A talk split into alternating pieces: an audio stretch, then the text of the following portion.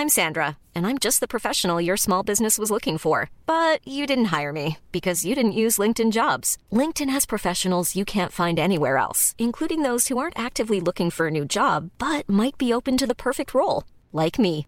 In a given month, over 70% of LinkedIn users don't visit other leading job sites. So if you're not looking on LinkedIn, you'll miss out on great candidates like Sandra. Start hiring professionals like a professional. Post your free job on linkedin.com/people today. There's never been a faster or easier way to start your weight loss journey than with PlushCare. PlushCare accepts most insurance plans and gives you online access to board-certified physicians who can prescribe FDA-approved weight loss medications like Wigovi and Zepbound for those who qualify. Take charge of your health and speak with a board-certified physician about a weight loss plan that's right for you. Get started today at plushcare.com slash weight loss. That's plushcare.com slash weight loss. plushcare.com slash weight loss.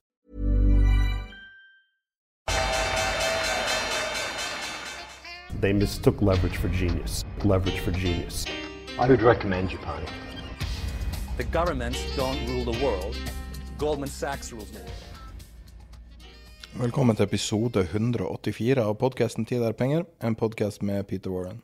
Jeg heter Sverre og er produsent, og i dag har vi egentlig ett stort tema, og det er markedet. Det er mye å snakke om, og det er mye som skjer, og det er mye drama. Så jeg tror vi bare går rett i gang med episoden, kan vi si først. Vi avslutter med et klipp fra den Patron-episoden vi hadde i forrige uke, som snakker om diesel. Så det siste, jeg vet ikke hvor mange minutter akkurat. Hva er det mest signifikante du så siste uke i markedet? Uh, to ting. Uh, to ting som jeg så som hadde stor innvirkning uh, på markedet. Eh, det ene var eh, selvfølgelig eh, Federal Reserve-møtet, altså FOMC-møtet, og, og den ytterligere renteoppgangen. Eh, den dagen var jo spesiell i seg selv, for det første markedet gjorde, var eh, altså i det sekundet eh, det kom ut, så solgte markedet av, for å så bråsnu og dra til oppsiden.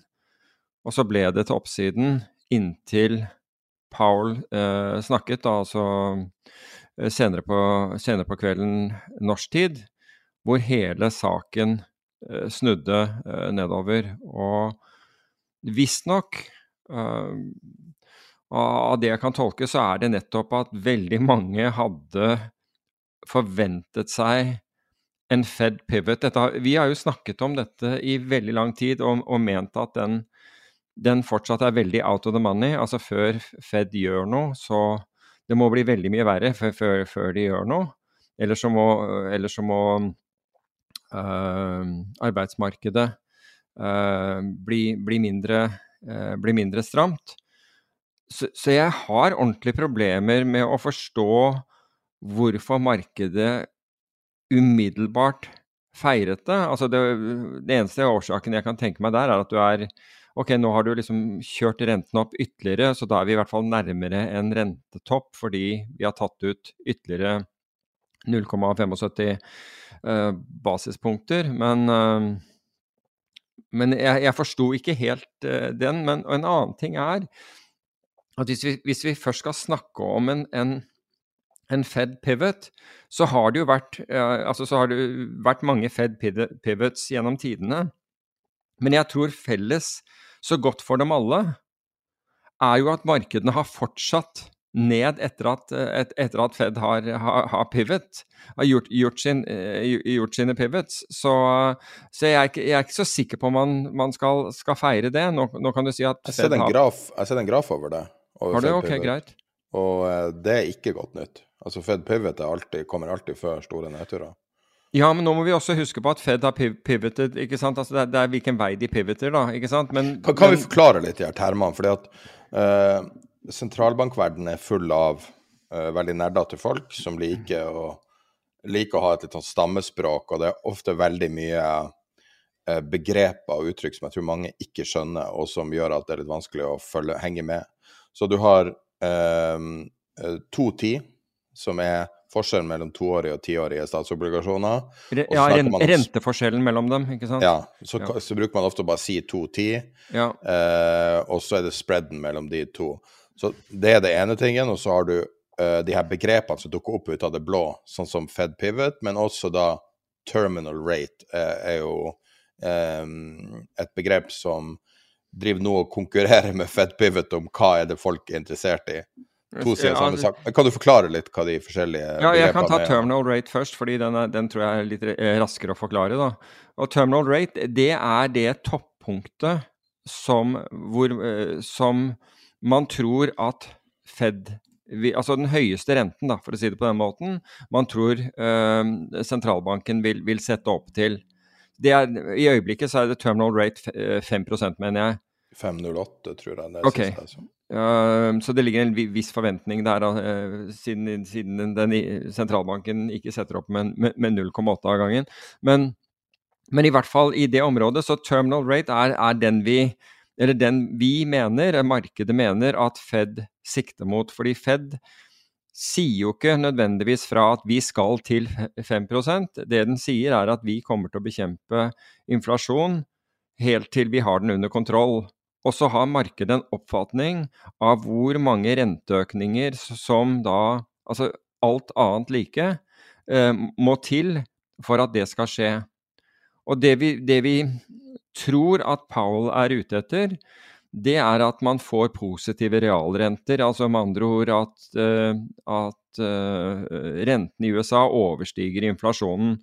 Og så vil noen si at er det morsom? Altså inflasjonen i USA er nesten 10 Ja, og selvfølgelig så ligger det nettopp i det der at på veien oppover på, i renteøkninger, så begynner dette å virke, og inflasjonen begynner å komme ned, og så passerer uh, Fed-renten uh, inflasjonen, slik at du får igjen positiv realrente.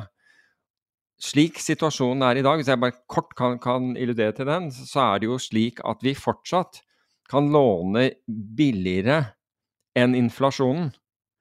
Og det i seg selv vil jo være inflasjonsdrivende. For hvis du, hvis du får lånt penger i dag som du kan plassere f.eks. i råvarer eller, eller, hva det måtte være, som gir deg en høyere avkastning enn en, en det du låner til, så er, så er, jo det stimulerende i forhold til eh, etterspørselen av lån eh, i seg selv.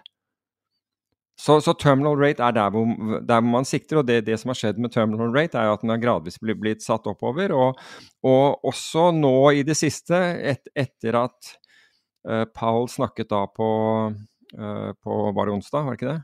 Det var torsdag. Jeg, onsdag var det. Så, så, fikk markedet, så Konklusjonen til markedet er higher for longer. Ikke veldig mye lenger, men, men i hvert fall at uh, For før det så var det jo priset inn at Fed ville, ville slutte å, å, heve renten rundt midten av, av, neste år, og vi ville kanskje se sist, eh, eh begynnelsen på, eh, på rentereduksjoner i fjerde kvartal neste år. Så nå er det spørsmålet hvorvidt det kommer til å skje i det hele tatt i, i fjerde kvartal. Før du går videre fra det komplekset etterpå, så har jeg et oppfølgingsspørsmål til det du snakker om nå, men bare fullfør det. Ja, ok. Nei, det var egentlig bare det jeg hadde tenkt å, å, si. fordi det er som du sier, at plutselig så dukker det opp disse begrepene innenfor finans som, eh, som har, har, har, ligget i skuffen lenge.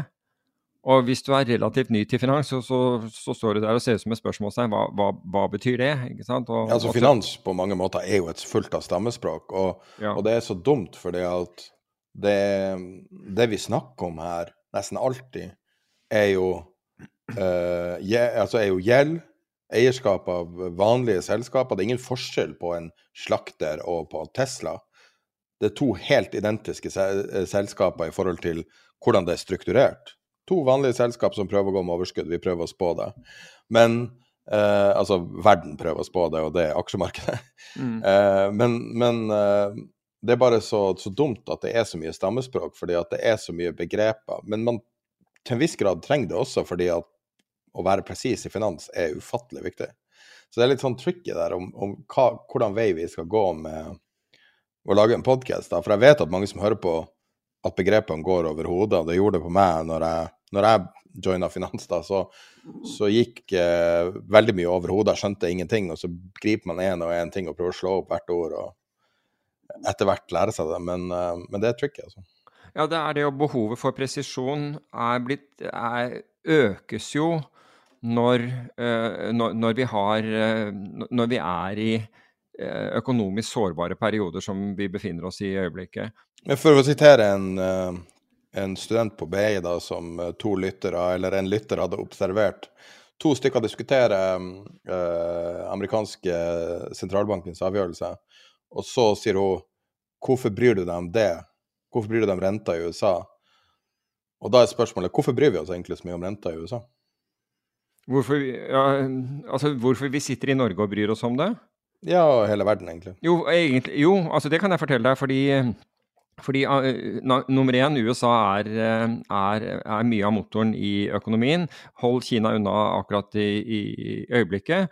Men enda viktigere er at, uh, at alle land, så godt som alle land, finansierer seg i dollar. Dollar står da for nesten 90% av verdenshandelen, altså den gjøres i dollar.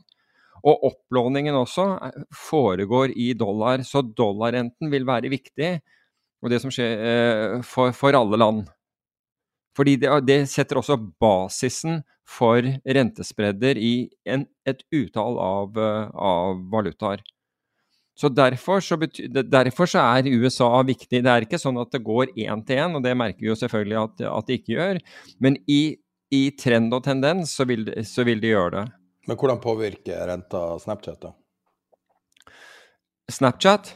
Altså, nå er ikke jeg noen ekspert på, på, på Snapchat, men antageligvis så har, er Snapchat en, en, en, en såkalt, uh, såkalt, vekstaksje som da skal gi en, uh, forhåpentligvis en, positiv inntjening frem i tid. Eller i hvert fall er, ligger store deler av inntjeningsforventningene til Snapchat frem, frem i tid. Og med en høyere rente, så, altså det vi gjør er jo at vi neddiskonterer for å prøve å få en verdi på Snapchat i dag på basis av inntjeningsforventningene. La oss si at, eh, at, vi har en inntektsstrøm, en forventet inntektsstrøm. Her er det jo analytikere som har eh, eller, eller, og eller selskapet som har stått bak dette, har laget en inntektsstrøm for dette selskapet over de neste la oss si 10 år eller 15 år. Så blir det brutt ned i, i, i tidsintervaller. Og, fordi, og hvis du hadde en rente som vi hadde, på null, så vil jo nåverdi og fremtidig verdi være den samme. Så du kan egentlig jekke fremtidig verdi herfra til månen, hvilket er akkurat hva som skjedde i 2020 og 2021. Og store deler også av, eh, av perioden med kvantitative lettelser, men først og fremst når, når, man da senket rentene til null, eller i noen land negativ. Det ikke, det vi har da problemer med å gjøre, er i det hele tatt å forstå hva vi priser. For null er ikke et tall som, som hører hjemme her. Det går ikke an å gange null med noe heller? Det går ikke an å gange null med noe, og vi forstår ikke Og, vi, og du pri, kan heller ikke prise risiko ut ifra liksom en multiplikasjon med null. Så i det øyeblikket renten da blir positiv, og slik den er i dag, stiger og stiger, så vil jo dis diskonteringsfaktoren, altså den pengestrømmen som vi da skal ha om ti år, den blir verdt mindre i dag. Rett og slett fordi vi har en fordi vi har, På grunn av renten i perioden. Og det, jo høyere renten er, det mindre vil, vil vi tillegge verdien av fremtidige inntekter i dag. Og derfor har det så, så, så stor betydning for, for selskaper uh, som er utelukkende uh, priset på fremtidig inntjening. Jeg har aldri sett et regneark til en analytiker, men jeg mistenker at når de setter uh, sine kursmål, uh, så er, er, det basically den formelen du har her, og, og så legger du bare på en viss multiplikator på det. Ja, jeg tror det er, jeg, jeg tror det er noe sånn hvitløksfedd og noen noe nåler i noen dukker og noen greier sånn i tillegg som brukes. Kaffegrøt, da. Ja, kaffegrøt er også my mye brukt. Så jeg tror det er en del sånne faktorer som kommer i tillegg fordi, uh, for, for, å regne dette her hjem. Men problemet er, er jo at disse, disse fremtidige inntjeningene, inntjeningsestimatene, Altså, ingen må stå for dem. Det er jo det, det som er problemet. Men de estimatene, er det, er det en del av guidinga, eller lager de det i tillegg til analytikerne? Det vet jeg faktisk ikke. Nei, det er jo begge deler. Det, det er jo begge, altså hvis, hvis, selskapet guider, så må du jo så må du forvente at, at den informasjonen er, om du vil, mer korrekt enn det en analytiker kom, kommer opp med på, på basis av regnearket sitt. Og det er jo få ting Jeg kan ikke tenke meg noe som blir straffa hardere i aksjemarkedet enn å, enn å endre guidinga. Justere ned guidinga. Og just i, hvert fall, I hvert fall i disse dager. Det, det, har, det har, enorme implikasjoner. Det er jo akkurat som å ha ti dårlige kvartalsrapporter på rad. altså i samtidig. Ja, ne, ja, Fordi at du guider, altså du justerer alt, hele komplekset nedover. Så... Men jeg, jeg, følte at det var litt viktig å bare gå gjennom det her nå, fordi at vi snakker så mye begreper, og vi snakker så mye om, om ting der vi glemmer litt av at det her er uh, det her er relativt komplisert pga. at alt har andre ord. ja. Og når det gjelder Fed Pivot, som vi var inne på, det er jo at den amerikanske sentralbanken endrer holdning til f.eks. renten eller, eller, eh, eller, eh, eller, pengepolitikken eller finanspolitikken, hvor, hvor, den, hvor, den, endres. Og Fed Pivot vil, vil, jo Altså, vi hadde jo en Fed Pivot da, eh, da man begynte å øke rentene. Og, men, men, og hvis du går tilbake i tid, så har det jo selvfølgelig mange av disse Fed Pivotene de, de har skjedd nær, nær i hvert fall, kan du si, midlertidige toppunkter og sånn. I hvert fall markedene har falt um, etterpå. Um, uh, man har jo også selvfølgelig pivoted fra, fra, fra lav til høy, men, men, nesten felles for dem alle er at når, når Fed gjør det, så, er, så, så, vil aksje, så har aksjemarkedet svekket seg etterpå. Og det er, å, det er, verdt å, ta med seg at, uh, at, det er ikke gitt at selv om altså man feiret da den prematurt uh, her på, på, onsdag ved å si å, dette, dette betyr at uh, nå er vi veldig nære ved at, ved at Fed snur. men så gikk da Powell på talerstolen, om du vil, og, og gjorde det klart at, at de så, så det ikke på den måten. Tvert imot, altså de, ehm, de bryr seg lite om aktivaprisene. Altså med andre ord prisene på aksjer og obligasjoner og, og, og, eiendom, om du vil. De ser på arbeidsmarkedet som det aller viktigste. Og arbeidsmarkedet er stramt.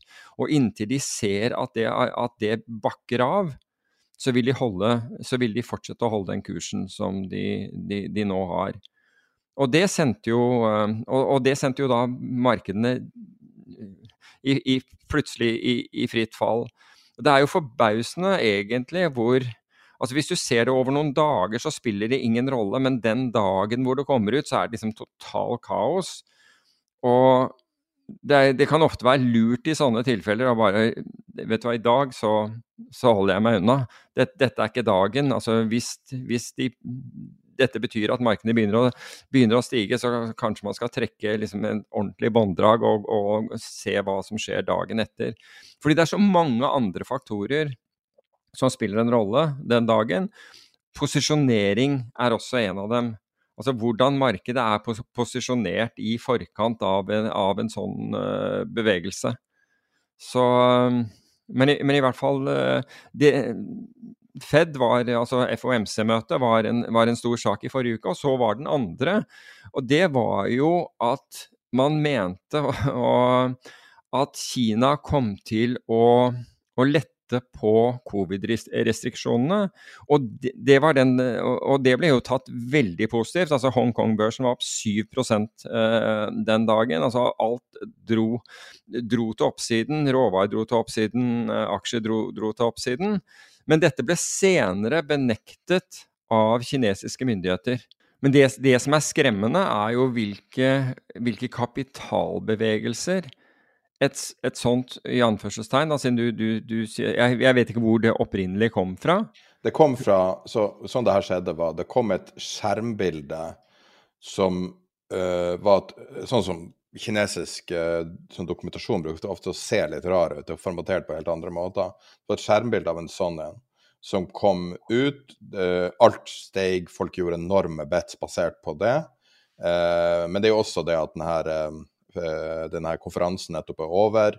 Så man på en måte sånn sett, Analysen er vel litt der at man ikke trenger covid zero. Nå er jo Kina på sitt høyeste infeksjonsnivå som det har vært, selv om det er lave tall. Men kan jeg bare lese opp hva de sa de, på lørdag, når de slo tilbake på det her? Mm. Uh, nummer én, a rumor uh, ran so rampant that it took a rare set uh, the most authoritative response adhere to zero covid policy unwaveringly those who spread the rumors don't understand chinese politics og, um, og det her ble sendt ut som en sånn offentlig fornektelse av det. Veldig uvanlig for Kina. Men uh, bare interessant, Ja, er interessant dynamikk, fordi at det er mye manipulasjon ute. Og man må være veldig veldig forsiktig med kilder.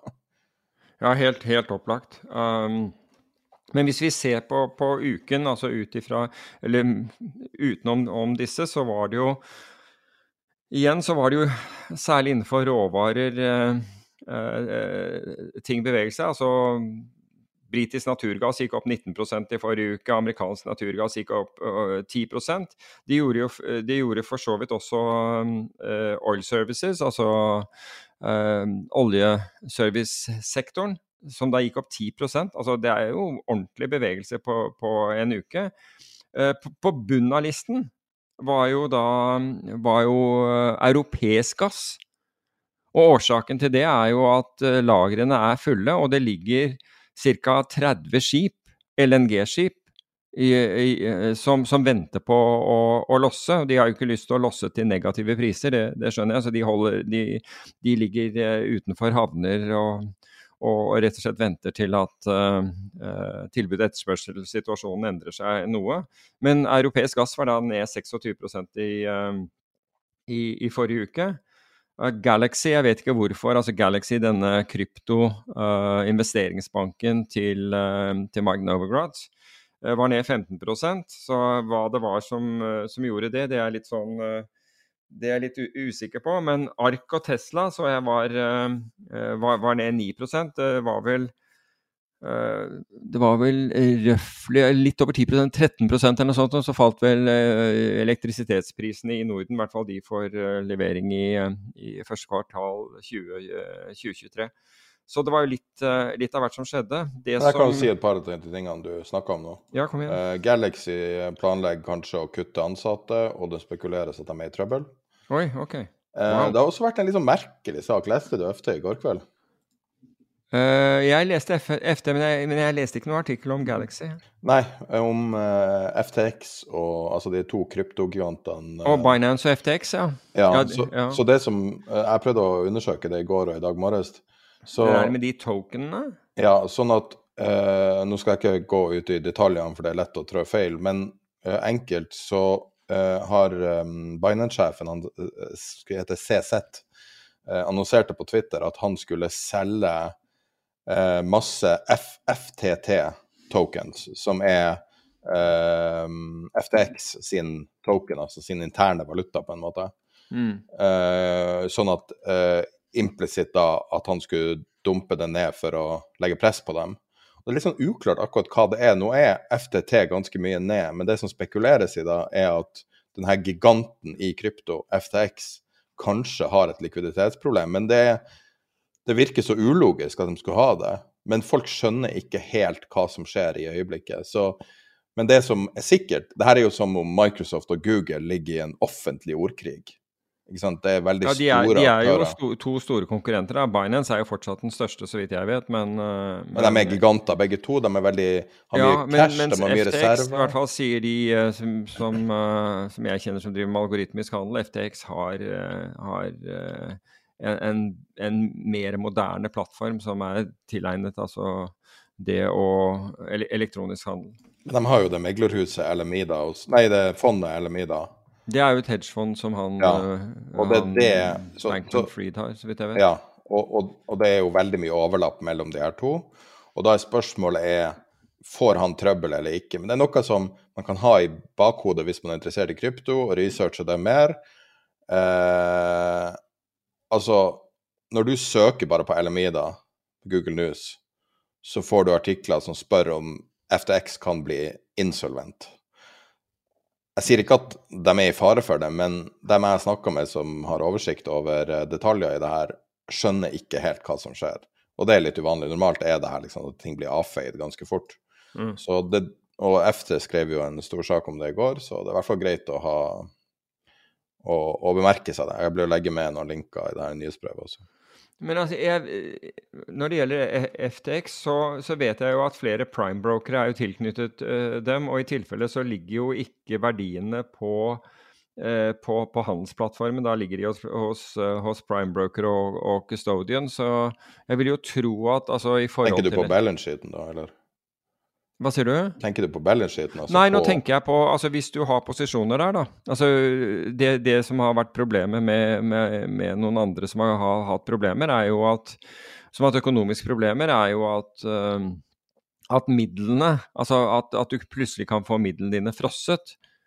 Mens, mens, når det gjelder FTX, med den moderne arkitekturen, så forstår jeg det, det slik at veldig mye av uh, av, av kundenes midler eh, ligger, eh, er, er, desentralisert. Men det blir vel litt som om at Nasdaq eide masse aksjer i selskaper notert på Nasdaq, og det var strukturert i et hedgefond ved siden av Nasdaq. og den jo, men så lenge, det er, så lenge det er i en egen enhet, så skulle jo ikke det være, være et uh, problem. Men det her er jo et selskap som er jeg tror det er yngre enn podkasten, er det ikke det? FTX? Altså, ja, det er jo helt nytt. Så at de ja. ikke har optimale strukturer, vil jeg tro er en given. Nei, jeg tror at de har så optimale Altså, ja, At de er superproff, tror du det? At de er helt vanntett? ja, det vet jeg ikke, men, men, jeg vet at de som driver altså de, de som driver med dette profesjonelt, altså de virkelig store, uh, de er veldig Altså, de sier at det som, det som er med FTX, er at de har bygget dette her på alt på ny og ny teknologi. Og at det ikke er legacy-teknologi som, som, som, de fleste andre børsene, børsene, har. Og det er, gir dem en, en, både en, en, sikkerhet, altså både en hurtighet, men også en sikkerhet for, for, for det de gjør. Nå er ikke jeg en tech-nerd, så jeg skal ikke jeg skal ikke liksom inn, gå inn i den diskusjonen og hevde noe, men, det, men det, er, det, er, slik det forklares for meg, da, av, av folk som jeg vet er ekstremt smarte. Altså, det, det blir altså de, Jeg kan bare si det siste som kommet inn på vår egen kryptokanal nå, er at en uh, bruker som sier at FTX sin stablecoin sin stablecoin-reserve nådde year low. Uh, hva det betyr, vet jeg ikke, men det, grafen ser dramatisk ut, så jeg tror kanskje det er noe her. Jo, men, altså, det er jo ikke noe problem det så lenge de, de altså Hvis en stablecoin uh, selges så lenge det er oppgjør, det er jo bare som en, en bankbalanse hvor, hvor, du kan trekke pengene dine ut. Så lenge det foregår, så er det ikke noe problem med banken. Men det er ganske spektakulært hvis FTX har likviditetsproblemer? Ja, det ville være spe spe spektakulært, men For ei uke siden var det en signifikant mulighet at uh, de kom til å kjøpe Twitter med cash, liksom. FTX? Ja, det var snakk om det. At han Hva skulle Bankman Freed med, med, Twitter, da? Han kjøper jo alt mulig, så det var snakk okay. om at han var interessert i det også. Okay. Så um, Jeg hadde inntrykk av at han mer er, på, er, er fokusert på, på, virksomheten han driver med, men jeg kan ta feil. Det er ikke som Mask som twitter den dagen, og så sender du en månerakett dagen etter, liksom. Ja, nei, jeg vet ikke, men uh, jeg bare sier at det her sto på FT i går kveld. Uh, det er vanskelig å vite hva som er rett og galt her men det er to veldig store aktører. Og når man stiller spørsmål med, med, likviditeten til en så stor aktør, så er det jo selvfølgelig signifikant. Okay, jeg så ikke at, eh, at uh, Financial Times gjorde det, men jeg så Nei, ikke at... FT. Nå googler jeg bare det. Ah, ja, det ok. Sånn Fordi det er jo litt forskjell på om, om, du får det fra Google eller Financial Times. For, ja, ja, selvfølgelig. Det er litt som å få noe fra YouTube. Men uh, Financial Times snakket jo om, om den, den, økte si, konkurransen mellom Binance og, og, og FTX. Men så, men så, vidt jeg vet, så er fortsatt Binance suverent den største, men jeg håper ikke at jeg tar feil der. Mens vi er inne på det der med, med krypto, så føler, jeg, så føler, jeg, for øvrig at Wall Street Journal vindicated deg her i, her, her i helgen til de grader når du, når du snakket om det at uh, mining uh, at, at, mining uh, software og alt mulig sånn trynet i, i, pris. Du Peter, nå må ikke du trå feil igjen. I hvert fall, i hvert fall hardware, da. det, det, kan vi være enige om. Unnskyld, hardware. Ja, mining hardware. Fordi uh, det, var, det, var, faktisk en stor artikkel i, i Wall Street Journal i, i helgen som, som, bekreftet det, det synet. Uh, bare mens vi er inne på det. Men uh, apropos, vet du hva som har steget 42 i, i år? Litt vanskelig å investere i, kanskje ikke helt umulig, men litt tøft å investere i. Men er opp 42% i år. Vex er opp 47 i jeg. Ja, det kan godt være, men dette var antall, dette var antall bankran i New York. Å ja, det der, ja. Så, hva er det for noe? Hvordan, hvor, er de så gammeldags at de har masse masse cash-reserver? Jeg vet ikke, jeg. men det Jeg trodde ikke to... banker hadde cash Det var opp 42, er opp 42% i år, så da, da, skjønner du, da, da skjønner du at likviditeten er redusert. Uh, Eller økt. Er Eller, ja, eller det- den er økt hos, de, hos ranerne, men i utgangspunktet så er det behov for likviditet, vil jeg tro. Um, annet enn det så var det jo veldig spennende på fredag. Vi snakket om, og nå er det vel kanskje en måned siden vi først snakket om det, eller vi, vi hadde en, eh, en um, Vi hadde tittelen på en podkast som sa 'It's all one trade', eller et eller annet sånt. Var det ikke omtrent det? Jeg husker Jo, ikke helt ordet. Det er bare én trade, ja. Alt er bare én trade. Så du på, øh, og, og den er da dollar, altså dollar-rente slash, fordi den, den høye renten man får på dollar eh, eh, har, gjort, har, eh, har økt prisen på dollar eh, og, og sendt den til værs. Men vi, vi har da sett at når dollar har trukket seg tilbake igjen, så, så, så ser du umiddelbart at aktivar eh, beveger seg oppover. Og fredag var intet unntak. Da så vi en nedgang i dollaren. Kobber steg, steg 8 på fredag alene. Sølv steg 7,6% Olje steg 5 Ethereum steg 6,6 og bitcoin steg steg 4 4,5 bare for å nevne noen ting. Men det var de, noen av de, de store utslagene. Da så vi med en gang store, store bevegelser. Så jeg, jeg står på den. At, at det er altså, ting altså Det kommer ikke til å være sånn forever, men i øyeblikket så er vi ekstremt sensitive til, til bevegelser i, eh, i dollaren. Ja, dollarindeksen spesifikt. Ja, altså du Ja, dollarindeksen er jo, er jo da en handelsvektet uh, indeks av dollar som kan handles på, på, på børs som, som en future-kontrakt. Ja, jeg tenker på bitcoin, korrelerer jo veldig tett nå med dollarindeksen. Ja, altså det, det gjør kanskje det. Jeg har, jeg har ikke kjørt noe korrelasjon, men det jeg kan fortelle, det er jo at det korrelerer i stadig mindre grad med, med aksjemarkedet. Og som jeg har vært inne på tidligere i år, og som jeg først jeg sendte deg et chart på det, altså som viser da bevegelsene på SMP 500 i forhold til, til eh, bevegelser på bitcoin, hvor bitcoins divergeringer, altså når vi hadde bl.a. I, eh, i februar-mars. I mars så går, eller eh, i, jeg tror det er, i slutten av februar så går SMP til en ny low. Bitcoin gjør det ikke. Hva neste som skjer, er at SMP da går opp, og ikke bitcoin ned. Så kommer vi til perioden i, i mai. Da skjer det samme igjen. Bitcoin bunner ut og, og, og stiger, mens, mens eh, bunnen i, eh, i SMP den går da til, til en lavere bunn. Resultatet er SMP korrigerer opp etterpå. Og vi har en lignende en i juli. Og så får vi nå i oktober, der gikk da SMP til en ny lav øh, for året. Bitcoin eh, tangerte bare sin, sin, sin, sin, low fra oktober og begynte å stige. Og, øh, og resultatet er den, den, korreksjonen oppover som vi nå står i i, øh, i, i SMP 500. Så det er Jeg vet ikke om, om, det er høna eller egget her, men det kan være verdt å, å følge med på dette. Føler jeg, da. Jeg hørte en gang en ordentlig analyse av hva som kom først, høna eller egget, og så har jeg glemt hva svaret var. ja. Det er faktisk et svar på den. Ja, det er kanskje det, men uh, svaret i øyeblikket, svar i øyeblikket er, at, uh, er, at, bitcoin plutselig leder, leder, markedet. Og det hadde jo ikke, for hele tiden har man sagt at ja, bitcoin faller fordi Eller se, det er ikke noe forskjell på, på Og det er i hvert fall ikke ikke-korrelert og alt mulig sånn. Nei, det er jo ikke det. Når du får de samme, de samme investorene inn i de samme aktivaene, så blir det korrelert. Det gjør det jo, uansett om det er en fundamental grunn for korrelasjon eller ikke. Du kan jo si at kausaliteten her er, er, den, er risikotagning. Så det, så det, blir en, en risk on, risk off-type ting. Men, men, men uh, krypto har vist seg å være veldig resilient nå i en, i en periode, et, etter min oppfatning. Vi snakka tidligere om carry trade så vidt.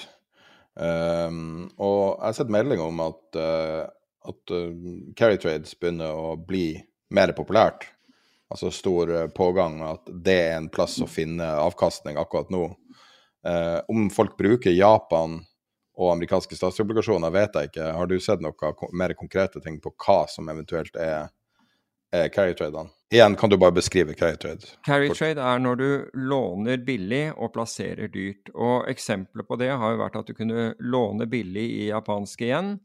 Altså med andre ord, du går short igjen, long dollar. Hvis du tenker på at, uh, at uh, yen, uh, altså i hvert fall i, har, en, har, har nullrente, og, og, du får en, og du får en, en, en dollarrente da, som er er skikkelig positiv, så vil det lønne seg for deg å Altså alt annet like. Hvis, hvis kursforholdet er stabilt, så vil det lønne seg for deg å shorte igjen, gå long dollar, eller gå long dollar mot igjen, som vi, vi sier. Og det har jo vært supertraden i år, for den gikk jo, den gikk jo over 30 på, på, på, et tidspunkt. Så hadde, altså Dollaren hadde steget 30% mot igjen, så en helt fantastisk trade. Det som ble problemet, var to ting. Det ene var at stadig flere, altså jo lenger dette gikk, det flere oppdaget det, og det flere begynte å, å komme seg inn i traden. Og det fikk da konsekvenser ved at det ble en voldsom etterspørsel etter dollar, og det motsatte på yen, slik at dollar mot yen begynte da å, å hoppe med alt fra halv, en halv til halvannen prosent om dagen. Og da kom sentralbanken inn, og det var da første gangen hvor vi snakket om at dette ville Altså, da hadde vi jo ikke sett Bank of Japan uh, intervenere i markedet på over 20 år. Og da kom de da inn og intervenerte, og så gjorde de det, da, det, samme for fredag for jeg tror det er nå tre uker siden. Hvor de virkelig smelte til og solgte dollar. Så de har vel solgt noe sånt som tett oppunder 60 milliarder dollar, tror jeg de har, de har solgt dollar for. Og, og kjøpt igjen. Og så er det mange som sier han, herregud, altså hvor mye har de tapt på, på å drive med det der? Altså Første gangen så, så fortsatte jo uh, valutaen videre. Og vi husker på at japanerne sitter på veldig store uh, Nummer én sitter på dollarreserver, punkt én. Punkt to er at de sitter veld, på veldig mye uh, amerikanske statsobligasjoner. Så de, de, de, har faktisk plenty av dollar de kan bruke på det hvis de hvis de ønsker. Men nå har de i hvert fall fått litt kontroll på det. Og det er klart at hvis du plutselig, det var som den fredagen, den siste fredagen hvor de intervenerte, som jeg mener var Ja, det er vel tre uker siden nå, eller kanskje en måned, tre, ja, whatever. Da tror jeg svingningene på den dagen, eller på den kvelden, for dette begynte uh, dette begynte i amerikansk børstid, altså veldig sent, uh, uh, sent, på, sent, på, kvelden vår tid. og og, eh, og selvfølgelig natta i, eh, i, i, i Tokyo, literally. Um, så tror jeg svingningen fra topp til bunn var, var nærmere altså 3,5 4 uh, fall. Og det er klart at hvis du hvis, Da blir hele rentedifferansen for året ditt spist opp, altså hvis du tar feil. Så da begynner det å koste å ha carry trades. En annen form for, eh, for carry trade vil f.eks. være at du, låner, eh, at du låner eh, penger og kjøper uh, high yield-obligasjoner. Det, det, er en annen form. Det er flere faktorer, men det er veldig sjelden du kan vite hvordan sentralbanken i USA Bare svinger litt tilbake til sentralbanken i USA. Du kan vite hvordan de tenker. De bruker jo ofte å dele veldig mye av sin analyse, og det er jo mye rapporter og alt. Men hva de virkelig tenker, føler jeg vi mangler som et aspekt. Men på den siste um, pressekonferansen nå fra Fed, så var det et øyeblikk som var litt uvanlig. Um, en av journalistene i salen um, gir uriktig informasjon til Powell av en eller annen grunn. Jeg, ikke, jeg vet ikke helt hvorfor. Men han sier at markedet reagerte positivt på uh, renteavgjørelsen, som var feil på det tidspunktet. Og eh, Jerome Powell ser litt irritert ut og begynner å liste opp ting på en måte så negativt som han klarer. Og altså, Han er jo nøytral i, i framlegginga, men det er akkurat som han legger litt mer trykk på at markedet har feiltolka det her. Men markedet er ikke opp da, markedet er faktisk ned da. Eh, og, og det her akselererer bevegelsen. Og sånn som jeg tolker ut av det her, eh, så må man være forsiktig med å være veldig bearish nå, basert utelukkende på Powell sin måte å snakke på. Kjøper du den eh, analysen? Jeg skjønner ikke hvorfor den skal ha en, ha en uh, implikasjon på om du skal være bullish eller, eller bearish. Altså jeg, han prøver å straffe bullish. Altså, ja, men jeg, jeg, tror han, jeg, jeg, tror ikke han gjør det. Jeg tror at det han forsøker å gjøre, jeg har også sett det der, det han forsøker å gjøre, er å være klar på hva de legger vekt på. Og det syns jeg at han er. Han er stålklar på det. Og, og, og, saken er at han har jo ikke endret syn på hva de følger med på uh, fra tidligere. Han bare, han bare, gjentar at dette er det de, de, følger med på, og at de har tenkt til å Og at de, at de, fortsatt bekjemper inflasjonen. Og vil gjøre det. Så jeg, så jeg syns egentlig at han, at, han, at han, kun er klar. Men der hvor jeg syns at hvor, hvor jeg syns det er en ekstrem tvetydighet i, i øyeblikket, den, eh, det dukker opp i, i bl.a. i, eh, i COTS-rapporten, altså hvordan eh, investorene er, altså store spekulantene om du vil, er posisjonert. Fordi uh, short, mye altså short-interesse er, er, er, dekket inn. Nå riktignok snudde det fra å ha vært long hele veien nedover her omtrent i, i, i Nasdaq til, til, at man gikk til at man gikk short, men det var ikke noe sånn voldsomt, uh, voldsomt short. Men,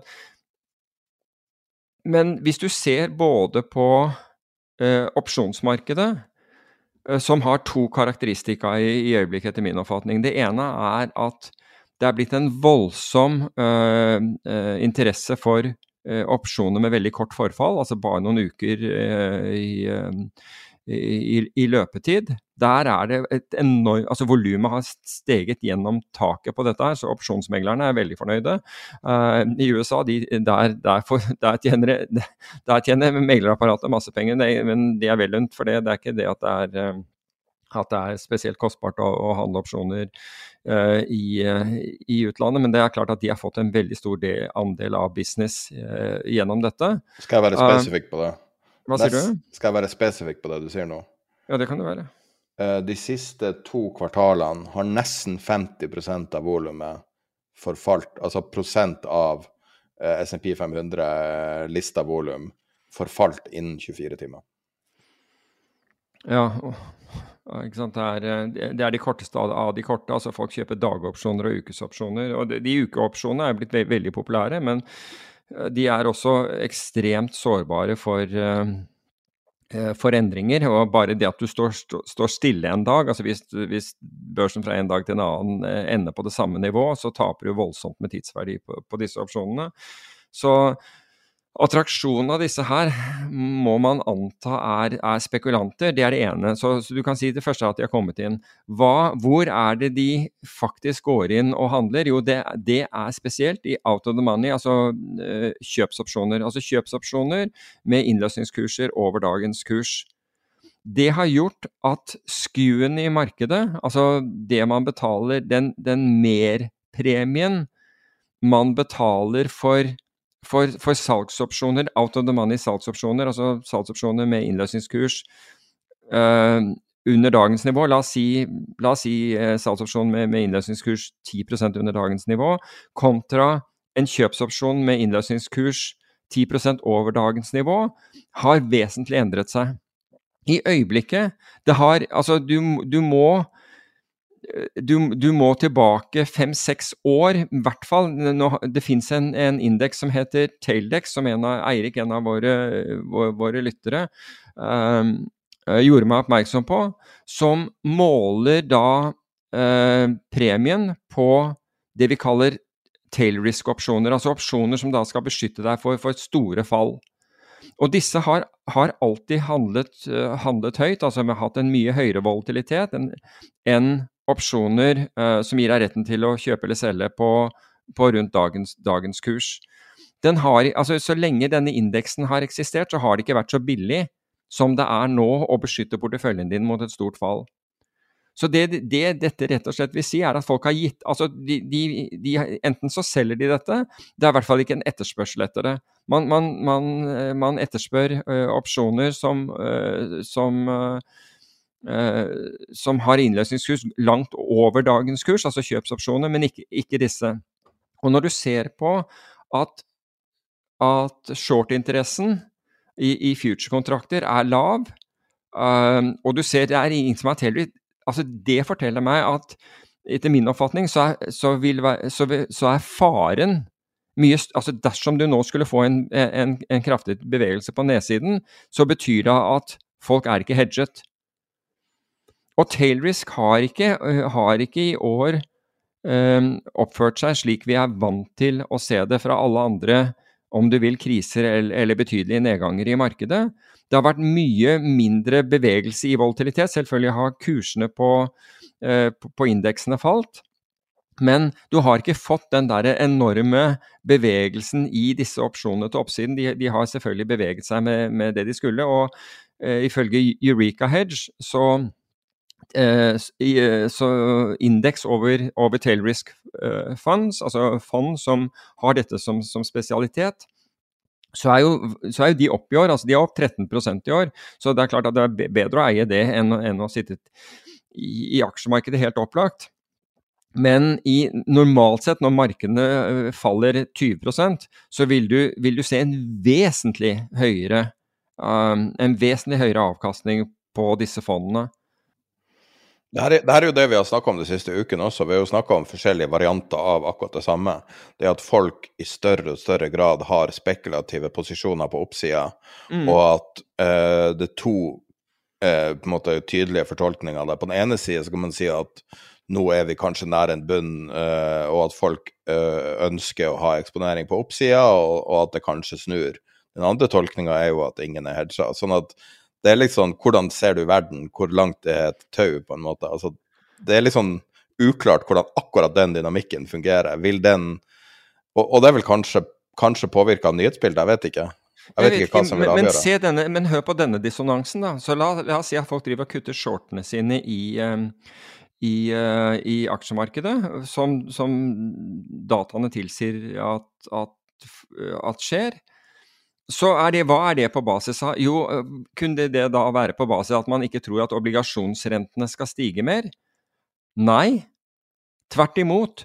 Spe, spekulasjonen, altså tallene fra obligasjonsmarkedet, altså det amerikanske statsobligasjonsmarkedet, viser en økning på 25% i tradere som er short obligasjoner, med andre ord tror at, at renten skal, skal stige videre.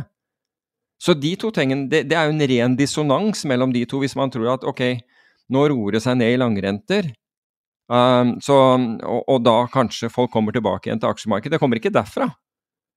Så, så du kan jo lure på altså det, det, er klart at når markedene har falt, ned, falt 20% så er en del, selvfølgelig en god del priset inn, men markedene er ikke lette å tyde på basis av hvordan, eh, hvordan, man posisjonerer seg. Det eneste vi kan si fra disse tallene, er at dersom renten stiger, stiger videre, så er, så er, det plenty av, av spekulanter som, er, som, allerede er den veien, altså som faktisk vil tjene på det ved, ved å være short obligasjoner. Mens hvis aksjemarkedet skulle falle av en, annen, av en, eller annen, grunn, vi vet ikke grunnen, bare så det er sagt, og dette er ikke en prognose, men skulle aksjemarkedet plutselig finne, en, uh, finne grunn til å falle betydelig fra dette nivået, så er veldig mange ubeskyttet. Og det så, så, du kan si at hvis du skulle ta en konklusjon av det, så, så, og du ønsker å være long, så kan du være long med å kjøpe det vi kaller tail risk protection, altså opsjoner med, eh, som da beskytter deg mot et kraftig eh, kursfall, billigere enn det du har kunnet gjøre på ja, seks-syv år, i hvert fall. Så, og det er ikke, ikke gærent, så så du, kan i hvert fall få dekket risiko, risikoen på, på, på posisjonene dine. Samtidig så er det også vel eh, verdt å merke seg at, at short, eh, eh short-interessen i VIX, altså folk som da satser på at VIX-en skal videre ned, at, at, opsjonsprisene skal enda lenger ned, egentlig, eller i hvert fall at det ikke, ikke skjer noe, den øker. Mm. Så, mm. Men det er jo det samme bettet, på en måte? Ja, det, jo, det er jo akkurat det. Det er jo det samme bettet som at du tror at aksjemarkedet skal stige. Jeg er ikke uenig, er ikke um, uenig i det. Så... Men eh, når det gjelder smarte folk på Wall Street Det finnes mange smarte folk, men det er ikke så mange som stikker seg ut som å være unormalt smart.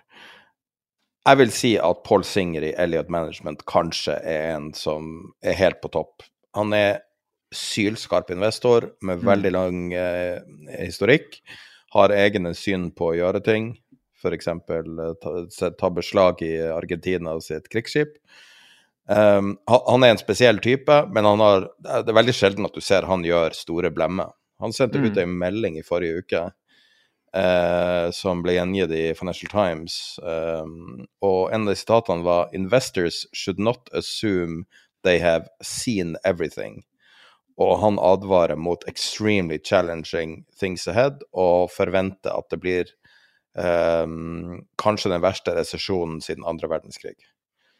Um, ja, nå har ikke jeg sett Han er en hvordan... smart kar, i hvert fall. ja, ja, jeg er helt enig. Han er en smart kar og er veldig fundamental og, og, og cerebral. Men uh, han, hans syn på dette her uh, deles også for øvrig av Boas Weinstein, som også er regnet som en jækla smart investor, og som tjente voldsomt med penger under uh, som, som, vi så referert til i The Big, i, i The Big Short. Um, det ved å være short tidlig i, um, i, uh, i, i boligmarkedet i USA Hans, uh, Nå vet jeg ikke hva, hva Elliot Management-avkastningen har vært i år, men, men, men Boas Weinstein er opp over 30% i år i sitt fond. Og, og han, han, han, bruker credit default swaps uh, først og fremst. Men hvis vi skal se, altså når vi først er inne på, på hedgefond, så, så syns jeg det er interessant å du, Har du Elliot-tallene for øvrig? Ja, det må jeg se om jeg finner. Jeg okay. har ikke, jeg har ikke uh, nei, for jeg, jeg, har det ikke. Men, men jeg syns det, det, er interessant å se, når du ser listen av, av toppfondene, så er det jo Crispin Odie, uh, som Hugh Henry jobbet for i, i, sin tid, som er opp 170 prosent i år.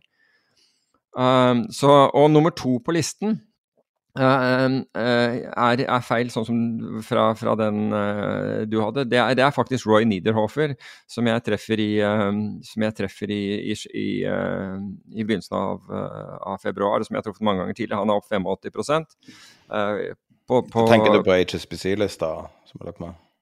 Eh, nå tenkte jeg på HSBC, men ja, jeg, den er oppe til 30. september. Ja, jeg, jeg, får, jeg, får, tallene fra, fra, fra Roy direkte. Så, så du har bedre han... kilde enn HSBC på han? Faktisk. Så jeg, vet at han er, han er, han er opp 85% i år. Og, og, det som er med, med, med, Roy, det er jo at han har, han har gjennom mange kriser Altså i, i, um, under IT-boblen Altså Da den sprakk, så, så var han opp 130% Under finanskrisen var han opp 107 uh, ehm, så, Og under, under, pandemien, altså i 2020 var han opp 32% så er han opp 85% i år. Så han er virkelig Han gjør det, han gjør det ordentlig bra når, eh, når eh, når, når, når, ting går dårlig. Han bruker faktisk ikke opsjoner, de bruker veldig kortsiktige tradingmodeller. Men hvis du Den sier at uh, Elliot Management har 6% avkastning i år. Men jeg, jeg, vet ikke helt. Ok, men det er i hvert fall positiv avkastning, helt opplagt. Men, men det som ellers Det, det er to ting eh, som, jeg vil, eh, som jeg legger merke til når det gjelder den HSBC, altså Hong Kong Shanghai Bank Corporation, hedgefond, eh, hedgefondlisten som, som kommer ukentlig. Og det er at nesten alle fondene som er på som, som, er kraftig opp i år. Vi skal, ta, øh, vi, vi skal nevne altså To norske fond er jo opp nesten 40% altså Cleve, som vi ikke helt vet hvor, hvor er i, i øyeblikket, i og med at han uh, forvalteren sluttet og ble erstattet av et, av et annet team, som visstnok har stått for, uh, for, en del av, av, av, den positive avkastningen nå i år likevel. Men, men, men Svelland har, er opp nesten, nesten 40% i år, så de er sånn tematiske. Men utover det, hvis du ser på listen, så er det trendfølgende fond. Og hva er det vi ikke har i Norge? Det er trendfølgende fond. Og vet du hvorfor vi ikke har trendfølgende fond i Norge? Fordi ingen av meglerne, for, for ingen av meglerforetakene gidder å bry seg om, om future trading, fordi det, det, tjener ikke noe penger på. Fordi de, trendfølgende fond handler future-kontrakter, future altså kontrakter på aksjeindekser, olje, den, ty den, type ting. Så det har vi ikke i Norge. Når du sier trendfølgende fond, mener du CTA da? Ja, altså de, de kalles CTA i, um, i USA. De går under CTA-kategorien. og Det står for Commodity Trading Advisor, som er vanskelig begrep for uh, å, å, forstå, men som er rene trendfølgende fond. Og høyt oppe på, på listen her kommer det da det svenske Link, som da kom på, på, på tredjeplass på HSBC-listen, og antageligvis er på tror jeg førsteplassen, i hvert fall på, på Hedge Nordic sin, som er et, et av Brumme-fondene. Altså Brummer Multistrategy, som er et fond som, som har massevis av strategier, det er opp 8% Det er tross alt mye bedre enn no, noen av noen av aksjemarkedene. Men nedover på listen så ser du da Lynk, som som jeg nevnte. Um, du har Brevin Howard sitt, sitt commodity-fond. du har Aspect, du har Westbrook, altså du har Campbell. Alle disse er trendfølgende. Systematica um, i, igjen en, en, trendfølger. Systematica er, er opp 35% 36% Det er liksom gjennomgående strategier som ikke tilbys i Norge. Som da ikke norske investorer blir, blir, blir, blir tilbudt, i hvert fall ikke fra, fra, fra, norske, fra det norske finansmiljøet. Men også, kan du se på en annen ting, og jeg husker jo vi snakket om dette, det er i hvert fall et år siden, muligens eh, lenger, jeg tror det er enda lenger, hvor vi snakket om diversifisering av obligasjonsporteføljer. Og, og hvordan man gjerne var investert i akkurat det samme. Altså alle hadde de samme obligasjonene. Og vi snakket om da life settlements. Da hadde jeg vært i USA og snakket med en del av de life eh, settlement-fondene der. altså som da, Dette er, dette er fond som investerer i livspoliser. Kjøper livspoliser i annenhåndsmarkedet. Og hvem er selgeren av livspoli, eh, disse livspolisene? Jo, det, det, er hvem som helst som sitter på, på, en, eh, på, en, slik polise, og som finner ut at 'jeg har ingen arvinger', eller 'barna har nok penger', og jeg betaler på dette hver eneste måned. Jeg kunne tenke meg å, å, å, å få noe igjen for dette selv også. Jeg har betalt livsforsikringen min i alle år. Da kan du selge den livsforsikringen i et annenhåndsmarked. Så kan du da bruke de pengene enten til hvis du trenger medisinsk behandling, eller du kan dra på ferie, eller du kan gjøre hva du vil med det. Men over, da overtar det fondet um, de overtar da dine forpliktelser, altså dine månedlige eller hva det måtte være forpliktelser til, til å innbetale, men vil da være the beneficiary, den som får da uh, livs, uh, livs, utbetaling fra livspolisen når, når, når man en gang dør. Og slik at det er jo altså Til å begynne med så tenker du at dette her wow, det høres litt, litt sånn betenkelig etisk ut, men det er ingen som Altså, folk selger uh, disse rett og slett fordi de, de ønsker pengene fremfor og at, at, at polisen er der frem, frem, til de dør. Så det er bare en mulighet de har hvis de ønsker å, å få frigjort dette. Selvfølgelig, i Norge Ingen, så vidt jeg vet, er investert i dette. I Sverige så har du et fond som, som, som gjør, gjør, dette med amerikanske liv, eh, eh livsforsikringspoliser, er opp 8, 8 Og den, den, gruppen av fond som investerer i disse typer obligasjoner, som er da som et obligasjonsfond, er opp i år mellom, fem, eh, mellom ja, et eller annet sted fra 7 til, til, til 15 Mens alle andre som har, har investert i obligasjoner, er ned. Så jeg, jeg skulle bare ønske vi var litt grann mer frampå og så på det, men, men hvis, ikke, hvis, ikke får Hvis ikke et finansforetak i Norge kan emittere dette og tjene voldsomt på, på, med honorarer, så er de på en måte ikke interessert i å tilby det.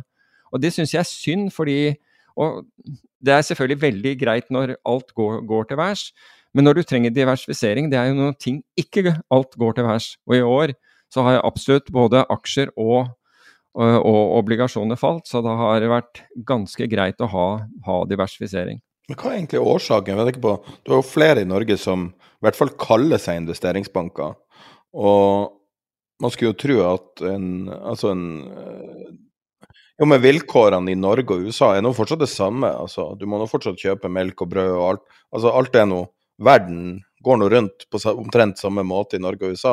Hvorfor er det et uh, marked? Hvorfor, hvorfor har Goldman Sachs, JP Morgan, Morgan Stanley, alle de her, hvorfor har de operasjoner på den måten, men ingen i Norge har det? Ja, det kan du lure på. Det, av samme grunn til at uh, Goldman Sachs og JP Morgan de har kontorer i, uh, i, i Sverige, men f.eks. ikke i Oslo. Uh, det, er, det er årsaken til det òg. Det er min kampsak i livet at Goldman skal få kontor i Norge. så. De eh, Ja. Jeg ser det. Nei, men, men, det er jo rett og slett det der at, at det norske markedet eh, altså De er veldig bra på å hente inn penger til, til, eh, til, til norske bedrifter, for all del, men det er kun det altså da det er det meglerhusene tjener penger på, som, som blir da fokus. Samtidig er det jo deres business. Samtidig, ja. Bare, si... bare, gjør det. Da. Bare keep doing what you're doing. Men det er i hvert fall muligheter for andre, da.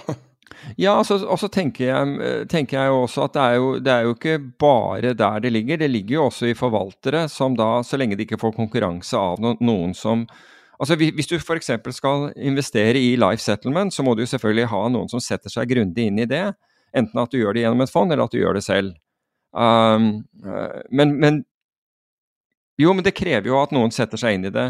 Og det er klart at hvis, hvis, du, tjener, hvis du tjener svært godt på, på, på, status quo, så tenker du ja, «Ah, hvorfor skal jeg rokke båten og gjøre det, det blir bare mer jobb. Jo, men det sier seg jo sjøl at hvis du skal deale med livspoliser, altså hvis det der kommer på forsida av en, en vanlig avis, så er det ingen som er villig til å høre på forklaringa di engang. Nei, men altså, det, det finnes mange andre ting du, du, kan gjøre enn å deale i, i livspoliser. Altså, hva, hva med trendfølgende fond, da? Vi har jo ingen historikk med futures i Norge. Sverige så... har trendfølgende fond, Finland har trendfølgende fond, Dan Danmark har, har trendfølgende fond. USA har jo naturlige årsaker til at de har futures og liker futures. Altså det har jo med, jord, det har jo med, med jordbruket i, i uh, Midtvesten Opprinnelig. Altså, ja. Opprinnelig var det det. Men sånn at, så, så, ble det jo et jo, men det er Folkesjela deres i Chicago er å deale med futures, fordi jeg forstår intuitivt futures. Og i Norge så, så, har vi ingen historikk, så alle må lære seg hva det er. Så det er vel det som er grunnen til at det ikke er Jo, men det samme gjaldt jo, gjaldt jo London. Det samme gjaldt jo Stockholm. Det er, jo, det, er ikke, det er, jo, ikke, som Stockholm ligger midt i en, midt i en kornåker heller. Så de måtte jo lære seg, de måtte jo lære seg futures der. Det samme måtte de gjøre i Finland og Danmark også. De måtte lære seg eh, futures, og, og, men, de, men, der går de ut og, og, gjør jobben. Og da skaper de en annen altså Poenget her er at du skaper en, en alternativ og ikke-korrelert uh, uh, ikke inntektsstrøm til, til uh, pensjonskassen din, eller, eller hva du holder på med. Jeg tror folk også generelt misforstår hedgefond. Jeg tror mange eh, liker å sammenligne f.eks. aksjefond og hedgefond. Men i realiteten er det jo to vidt forskjellige produkter med to vidt forskjellige mål. At det handler ikke bare om avkastning. Selv om vi snakker mye om avkastning, så handler det jo nettopp om det at egentlig det du betaler for, er at avkastninga er ikke korrelert. Du betaler ikke for avkastninga direkte. Eller at den er risikojustert. Ja. Altså du betaler med den Altså du har jo 2 eh, eh, forvaltningsgebyr, og så har du 20 suksesshonorar. Sånn at eh, suksesshonoraret er jo på avkastninga, men det forvaltningshonoraret er jo egentlig du betaler Altså pengene går til at det skal være ikke-korrelert. I Norge så har man så Det er ikke mange år siden man betalte 2% forvaltningshonorar for et indeksfond. Go figure den, da. Og fremdeles så er, så er indeksfond altså du, du, har noen tilbydere som, som, er, eh, som, uh, som, er veldig, som er konkurransedyktige, men det er fortsatt dyrere med indeksfond i Norge enn det er i andre land. Så, Vi får jo kanskje en aktør inn her uh, senere, en senere anledning som kan fortelle om litt moderne takes på det her. Det ja. Så det fins krefter der ute som gjør ting annerledes, men men futuresmeglere, det finnes det ikke i Oslo, tror jeg. Nei, altså du, du SE-banken uh, gjorde jo ut fra SEB, SEB, London. Nå vet jeg ikke hvor aktive de er i future-markedet, men de, de, hadde faktisk sete i, um, på, på, CME, og de var um, de var eh, konkurransedyktige, de. Ellers så finnes det jo future-meglere i, um, i, uh, i, Skandinavia. Det gjør det jo. altså Saxo, som, som mange nordmenn uh, handler med, er, er jo en av dem. Så... Det er interessant egentlig at futures ikke er mer populært i Norge. Jeg husker jeg jobba med et I hvert fall når du har futures på, på OBX-indeksen på Oslo Børs. Ja, jeg jobba med en broker en kort periode. Jeg husker en av de tingene han sa, han, han som, som drev det, var at nordmenn tar generelt, sammenlignet med alle land, større posisjoner, mer giring og mer risk. Altså nordmenn har en sånn lotto-approach til investering. Det var hans mm. ord. Og eh, når du ser på Future, så er jo det et produkt som har innebygd masse giring. Eh, som da er veldig egnet til sånne type posisjoner der du kan bli rik måte, veldig fort, eller, eller fattig veldig fort. Og um, man skulle tro at Futures-produktet hadde egnet seg utrolig godt til det norske markedet, hvis det han sa stemte, at folk liker å ta store posisjoner, mye risk, dyp eksponering. Jo, men her gjør de det gjennom TRS-er isteden, hvor de betaler en mye høyere rente og mye høyere kostnader. Og det er jo produkter som, som meglerhusene øh, selger deg direkte. Én på én, liksom. Men alt du trenger, er jo en som begynner å selge futures og begynner å snakke om futures, så plutselig er det plutselig er det her. Men det er jo samme ja. som opsjoner også. Jeg skjønner ikke hvorfor opsjoner ikke pushes for harde livet. Det er jo enorm etterspørsel etter det blant investorer. Det, det, økte jo, det, økte jo, betraktelig. Altså, vi var jo på Oslo Børs husker du, og, og snakket med opsjonsdesken og, og, og, de som var sjef for den. Men da Euronex tok over, da, jo alt, da var det jo full fokus på Euronex growth og få, ut, få hevet ut så mange selskaper, altså pushet så mange selskaper ut i markedet som man bare kunne. Istedenfor for å ha noe fokus på, på derivatmarkedet. Jeg vet ikke om det gikk på bekostning av det, men uh, det skjedde jo samtidig. så... Men uh, uansett så har jo opsjonsmarkedet egentlig uh, ligget brakk siden du forlot den jobben. Ja, altså du, du, kan si at DNB har jo, har jo, jo vel, DNB har jo på en måte uh, vært der hele tiden. Um, og, og, jeg handlet jo med altså Da jeg, da jeg forvaltet hedgefond, så handlet, hvis jeg skulle gjøre noe i Norge, så var det stort sett da var det DNB som var, var motparten. Og vi handlet direkte med dem, og da, ikke over markedsplassen. Eh, fordi de kjente også vi, vi, eh, vi kjente dem. Nå, altså De siste tallene jeg så, så var det jo, var jo SE-banken Stockholm som var den største i det, i det norske opsjonsmarkedet. Ja, ja. Jeg husker at jeg snakka med DNB, og de sa at de, eh, altså de kunne ha handla på Nasdaq og kunne ha handla på Oslo Børs, men valgte Oslo Børs da. Og det var vel delvis, fikk jeg inntrykk av at det var fordi at de var at den var nasjonalistisk, altså at det var viktig å bevare den Det tror jeg også, og de var jo veldig mye av likviditeten der. Det er så ulogisk, det der. Hvis han, han i det, det treningsselskapet som, som, fortalte meg det med posisjoner, at uh, både futures og opsjoner, som, som, begge er klare bet, altså kontra å kjøpe aksjer Hvis du kjøper en ugira aksje, så er jo det en, en veldig passiv investering sammenlignet med en future, f.eks. Ja, det er klart at det er det, men det er jo ikke det at du nødvendigvis skal ha giringen på det. Du kan få giringen hvis du vil, fordi du må stille en sikkerhet. Men du kan jo også du kan jo bare stille like mye sikkerhet som, som det du har handlet for, så har du liksom null giring på. Det er ikke sånn at du tvinges til å, uh, til, til å ha giring. Men det er jo selvfølgelig en av appellene med Futures, er jo giringa. Ja, men det, kan, det, det, er jo en appell til, og det er jo selvfølgelig La oss si at du sitter på en aksjeportefølje og ønsker å, å hedge den, og så selger du OBX-futuren mot, mot den posisjonen. Da er det klart at hvis du da skulle komme opp med like mye Altså eh, hvis du ikke eh, kunne stille en margin, en sikkerhetsmargin, så vil du, så vil du jo måtte ha dobbelt så mye penger uh, tilgjengelig som du, som du, hadde Altså du måtte jo ha like mye som du hadde i, i aksjeporteføljen din, fritt, for å, kun, for å kunne hedge den, og det gir jo ingen mening. Ja, Det du refererer til nå, er netto-hedging? ikke sant? At du Ja, det, det, hvis du ønsker å bruke, bruke futuren som en hedging for, uh, for, posisjoner du har. Hvis du ønsker å, å bruke det som et, et, et, et, et spekulasjon- eller posisjonsinstrument, så kan du gjøre det også. Men det er jo opp til deg hvor mye du Altså, det er en nedre grense hvor, hvor, hvor lite sikkerhet du kan stille, men, uh, men du kan Altså, du, du må jo for guds skyld ikke være på, på minimum sikkerhet, altså å ikke ha penger til å, til å stille opp hvis det, hvis det, beveger seg mot deg. Det, da blir du stoppet ut, så, så, enkelt er det. Hva du syns om eh, Nå tar vi et stort steg i en annen retning, men hva du syns om uh, hele Flyr-emisjonen og alt som har skjedd? Uh? Jeg, jeg, jeg syns jo synd på, på Flyr. Altså, nå, jeg vært, nå, nå, deltar jeg ikke i dette på, på, noen som helst måte bare for å disclose uh, det, men uh, uh, de, de, setter opp og ser muligheter, og ulike Norwegians har ikke fått noe statlig hjelp. Og men skal forsøke å gjøre, gjøre dette her på, på egen hånd. Jeg, jeg, vet ikke. Det er, Hva er det de har gjort feil, egentlig? Jeg forstår ikke det. For jeg har ikke hørt noe annet enn skryt av fly som produkt. Når jeg har tatt fly, så har det vært ikke så fulle fly. Uh, og hver gang jeg har hørt ei oppdatering, så har det gått feil vei. Uh, jeg forstår egentlig ikke helt, for man skulle jo tro at de kom inn på et tidspunkt med lite bagasje. Er det det at de ikke er store nok, så de klarer ikke å få nok momentum når det snur? Jeg vet ikke. Jeg tror at det er klart at hvis andre har fått hjelp og, til, til, å komme i gang, så starter de med en, bedre, en bredere kapitalbase enn det du gjør, og et, et system som, så, som de kjenner godt, og det kan være tøft å få i gang. Jeg, jeg vet ikke hva som har vært um, feilen der. Altså, jeg har også fløyet med dem og var veldig fornøyd med det, bare så det er sagt. Så jeg ønsker de alt godt, jeg. Men du vet jo hvordan man bilder small fortune? Ja, Start with a Big Fortune and Airline. Jeg har investert den i, i uh, flyselskap. Ja.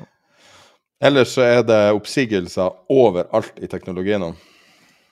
Ja, Alle yeah. selskaper blør. Og da, Vi nevnte jo Galaxy tidligere, men det er jo uh, ett selskap som får mye oppmerksomhet. Men det, det er over hele linja. Og det snakka vi jo om i starten av året, at uh, vi forventa at det kom til å komme store mengder oppsigelser. Lyft, Open Door, Stripe, Chime. Morgan Mm. Stanley skal visst si opp en del folk, og så har du vel Credit Suisse.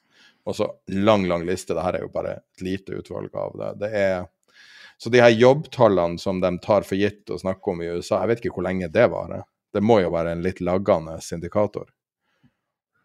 Ja, det, ja, legene er det helt, helt sikkert, men jeg vet, ikke hvor, eh, vet ikke hvor lang tid det tar før, før sånt begynner å, å, vise seg. Men jeg så, jeg så en oppsummering av liksom de fem største developments i, i, forrige uke.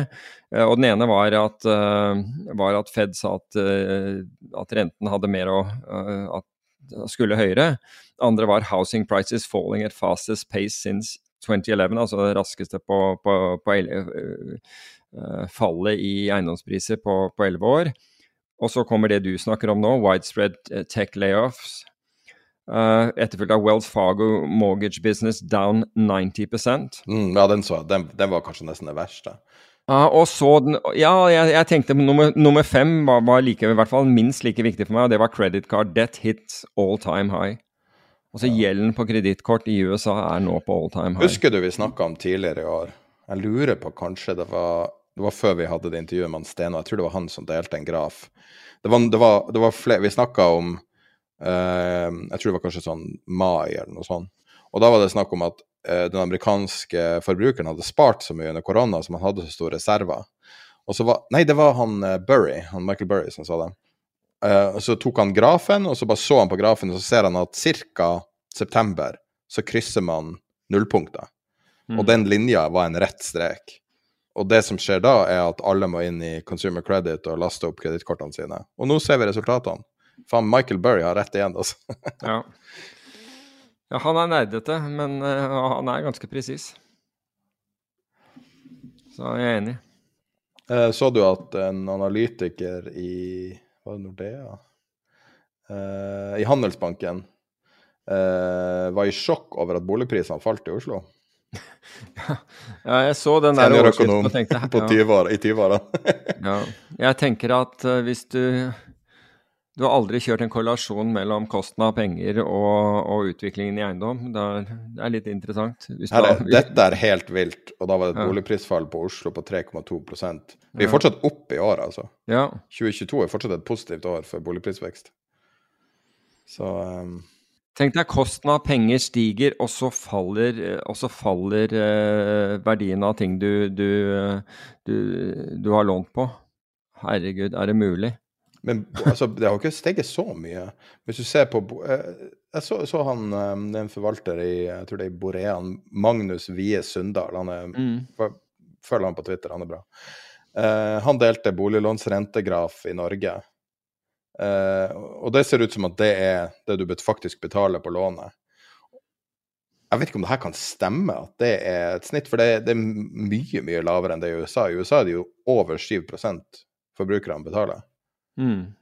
Så vi uh, sånn sett er jo veldig skjerma. Men jeg vet ikke hva jeg syns om strategien med å gamble hele den norske økonomien for å beskytte boligmarkedet, om det er en god idé. Det, jeg skulle gjerne ha sett litt mer renteøkninger nå for å stabilisere bl.a. krona. Ja, altså jeg Altså vi, ja, hvis, hvis, hvis, det er det du er ute etter å gjøre, så er det klart at det å, å redusere rentedifferansen mellom, mellom uh, kronen og f.eks. dollar vil, en, vil, vil, kunne ha effekt på det. Men å øke renten fra, fra dette nivået altså veldig, Inflasjonen vår altså skyldes jo andre tiltak enn en lån. Altså, det er ikke det at jeg har noe problem med altså, vi, har, vi har fortsatt en negativ uh, Uh, realrente. Og, det, og det, er, det, er, klart det er, det er un, unaturlig at vi har. Men når du ser hvordan kostnadene altså, uh, går opp, og hvordan det er snakk om å øke kostnadene videre ikke sant? Altså, Parkering skal gå opp, bomgifter skal gå opp, det skal gå opp moms altså Du skal legge til på, på, altså, Men hva koster det hvis krona kollapser? Altså det virkelig bare Ja, men jeg tror ikke at Det er ingen grunn, etter min oppfatning, til at kronen skal kollapse. Hvorfor skal kronen eh, kollapse med en så solid økonomi som, som Norge har? Så jeg ser ikke noen grunn til at, at, at, det skal skje. Kronen har fått mye juling eh, som det er, men det har veldig mange andre valutaer fått i forhold til eh, dollar og kronen er på ingen måte den, den, verste. Men det er klart at det er et problem fordi du, fordi du importerer inflasjon. Men jeg vil jo hevde at, at tiltak som bl.a. regjeringen gjør, sørger jo nettopp for Eh, for, for, inflasjon, nemlig at folks kjøpekraft blir mindre. Hele tiden. Og det slutter jo ikke sant? Altså det er det ene, ene med det andre. Og nå, nå, som da alle har funnet ut at det er deilig å være norsk i Lugano, så, så er det stadig eh, færre som da skal betale for en enorm eh, offentlig sektor. Det er, det er noen artige resonnementer som må gjøres her, tenker jeg. For, for, at det der skal høres logisk ut. Det gjør ikke det for meg. Så du um, det, det jeg la inn i regnearket som er forslag om gratisreklame? Uh, ja. Altså, jeg har, uh, jeg har, støttet dem før, jeg, så vi må gjerne gjøre det. Uh, jeg tenkte at vi kunne ta et lite reklameavbrekk som ikke er betalt. ja. um, jeg leste en artikkel i VG i forrige uke om en småbarnsfar som jeg skjønner litt han Det virka som at han prøvde å unnskylde hvorfor han brukte en sånn, um, en sånn støtte Det var ikke, det var ikke Kirkens Bymisjon, men det var, jeg tror det var Frelsesarmeen. Men det er jo mm. lignende organisasjon som hjelper med dem som ikke har råd til nok mat. Og så sa han at ja, han var i full jobb, da, og at han måtte ha støtte.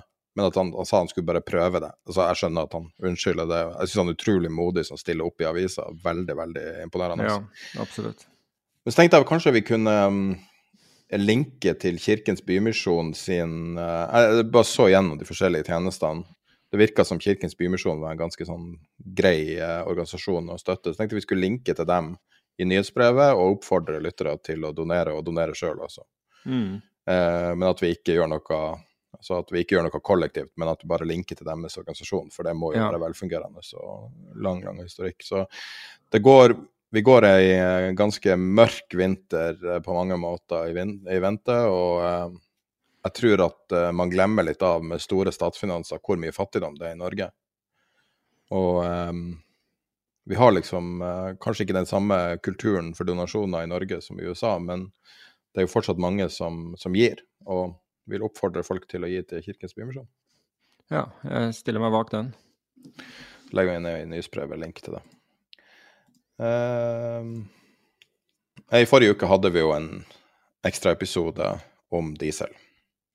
Og uh, vi legger et lite klipp fra den i slutten av denne episoden. Uh, men den er tilgjengelig på vår Patrion, også linka i nyhetsbrevet. Um, det var ganske urovekkende det Torbjørn Kjus snakka om diesel. Og rett etter vi hadde den, så var det også noen som delte en graf som viste forskjellen mellom første og andre måned eh, i dieselmarkedet i USA.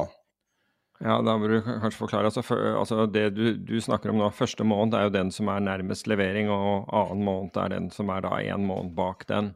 Ja. Og og forskjellen her gikk jo, ja, gikk jo, på at den måneden, altså det, det, forfallet som er nærmest, den hadde en vesentlig høyere pris uh, enn en forfall nummer to, altså en måned, måned, senere.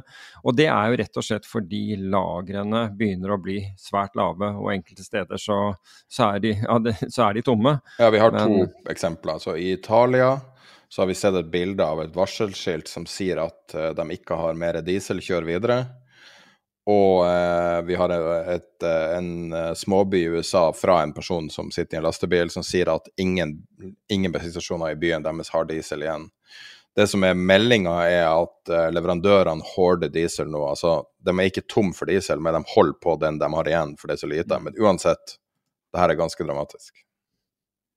Ja, og, og det kan bli den, den, den, En av de tingene som Uh, de kan ikke kalde svart svane når, når det, det, gradvis har, har, kommet opp i vår bevissthet. Men jeg har også, jeg har også uh, en følelse av at veldig mange fornekter fornekter den. Altså bare nei, det, det, skjer ikke nå. Nå har vi hatt nok problemer med gass og, og, og, det andre, så det skjer ikke et, et, et, problem her også. Og det forteller meg enda mer hvor sårbare vi er. Og, og tilbake igjen til det der at folk ikke, ikke bryr seg om å ha, ha beskyttelse mot, mot, mot, kursfall også. Så det henger litt, på, henger litt sammen, føler jeg. Så um, Kan jeg ta ukens sitat? Dette er fra uh, tysk etterretningssjef, de har jo flere der borte, men, uh, eller der nede, men jeg syns det var god. Hvis Russland er som en storm, vil Kina være som en klimaendring. Jeg syns det var godt sagt. Så um, Det er en som uh, Han var nok, nok, noe bekymret for den tilnærmingen som Tyskland gjorde da med å reise Hvor man reiste til Scholz reiste til, til, til Kina. Men det er jo for å få, for å få i gang handel. Men men jeg tror at uh, vestlig etterretning er, er uh, ja, Selvfølgelig er, er, man veldig våken for, for, uh, for, Russland, men jeg tror man er minst, minst like våken for, for Kina på, på, på, på, det nivået.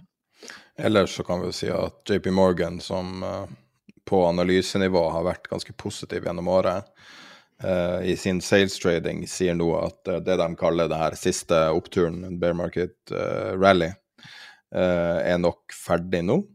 Og um, de er litt moderate, men de tror at en ca. 9 opptur er nok.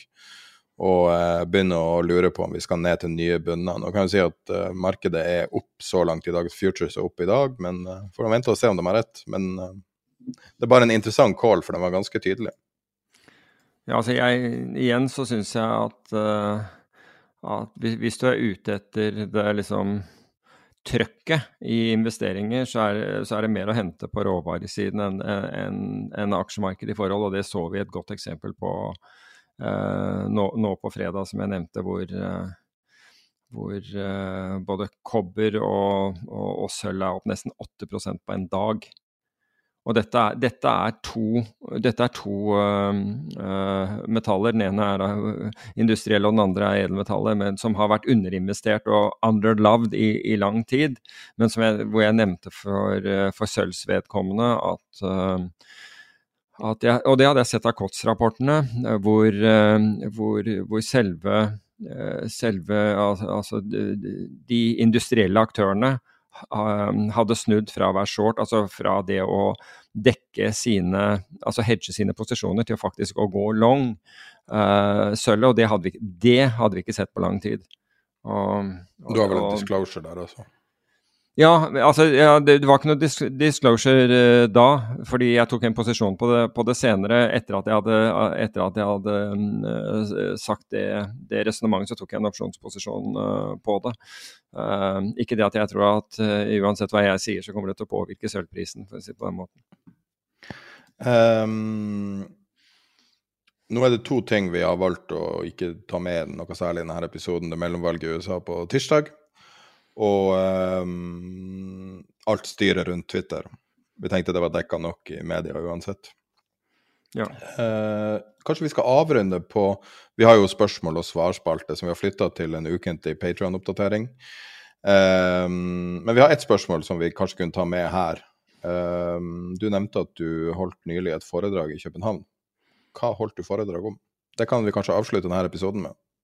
Jo, altså det som var i Jeg holder jo foredrag om, om forskjellige temaer, men uh, temaet i, um, i, København, det var uh, det, det, var en et, Altså, det går litt på dette med, med som Kjetil Hatlebrekke og Frode Christoffersen skriver om i, den, i sin nye bok 'Etterretning', hvor uh, det at vi, vi, trenger å analysere fortiden, forstå uh, nåtiden for å si noe om, fremtiden. Og for å, for å, være i den situasjonen, der, der snakket jeg for eiendomsutviklere, um, for å forstå den situasjonen man, man, befinner seg i i forhold til rentemarked og likviditet og, og, og de driverne, og inflasjon ikke, ikke, minst, så er det viktig å gå og se. Så det, i, i, det foredraget der så snakket jeg om så snakker, jeg, så snakker jeg om det finansielle bildet tilbake igjen til, til til finanskrisen, altså hva som har skjedd i, siden det, som på en måte har bygget opp under den situasjonen ispedd det geopolitiske bildet og hvilke e-, effekter bl.a. krigen i Ukraina har på, på, på markedene. Så det var, det var, egentlig tema for, for det. Og, men det varierer. Det kan være altså Jeg holder jo også foredrag om, om, om egne erfaringer og, og, og, tabber, for det er ofte mye, mye man, kan, man, kan, lære av det. Både innenfor finans og, og i, i, livet, i, i livet generelt.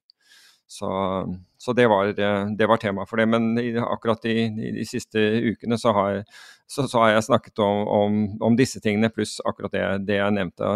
Altså egne opplevde erfaringer av hvordan man, man, uh, man, takler motgang. og Altså medgang, det går av seg selv. Det er jo motgangen som, som man ofte trenger å, å, takle. Man får noen sånne, man får noen på trynet i løpet av et liv, altså. og det, sånn skal det jo være òg. Det er det vi lærer av.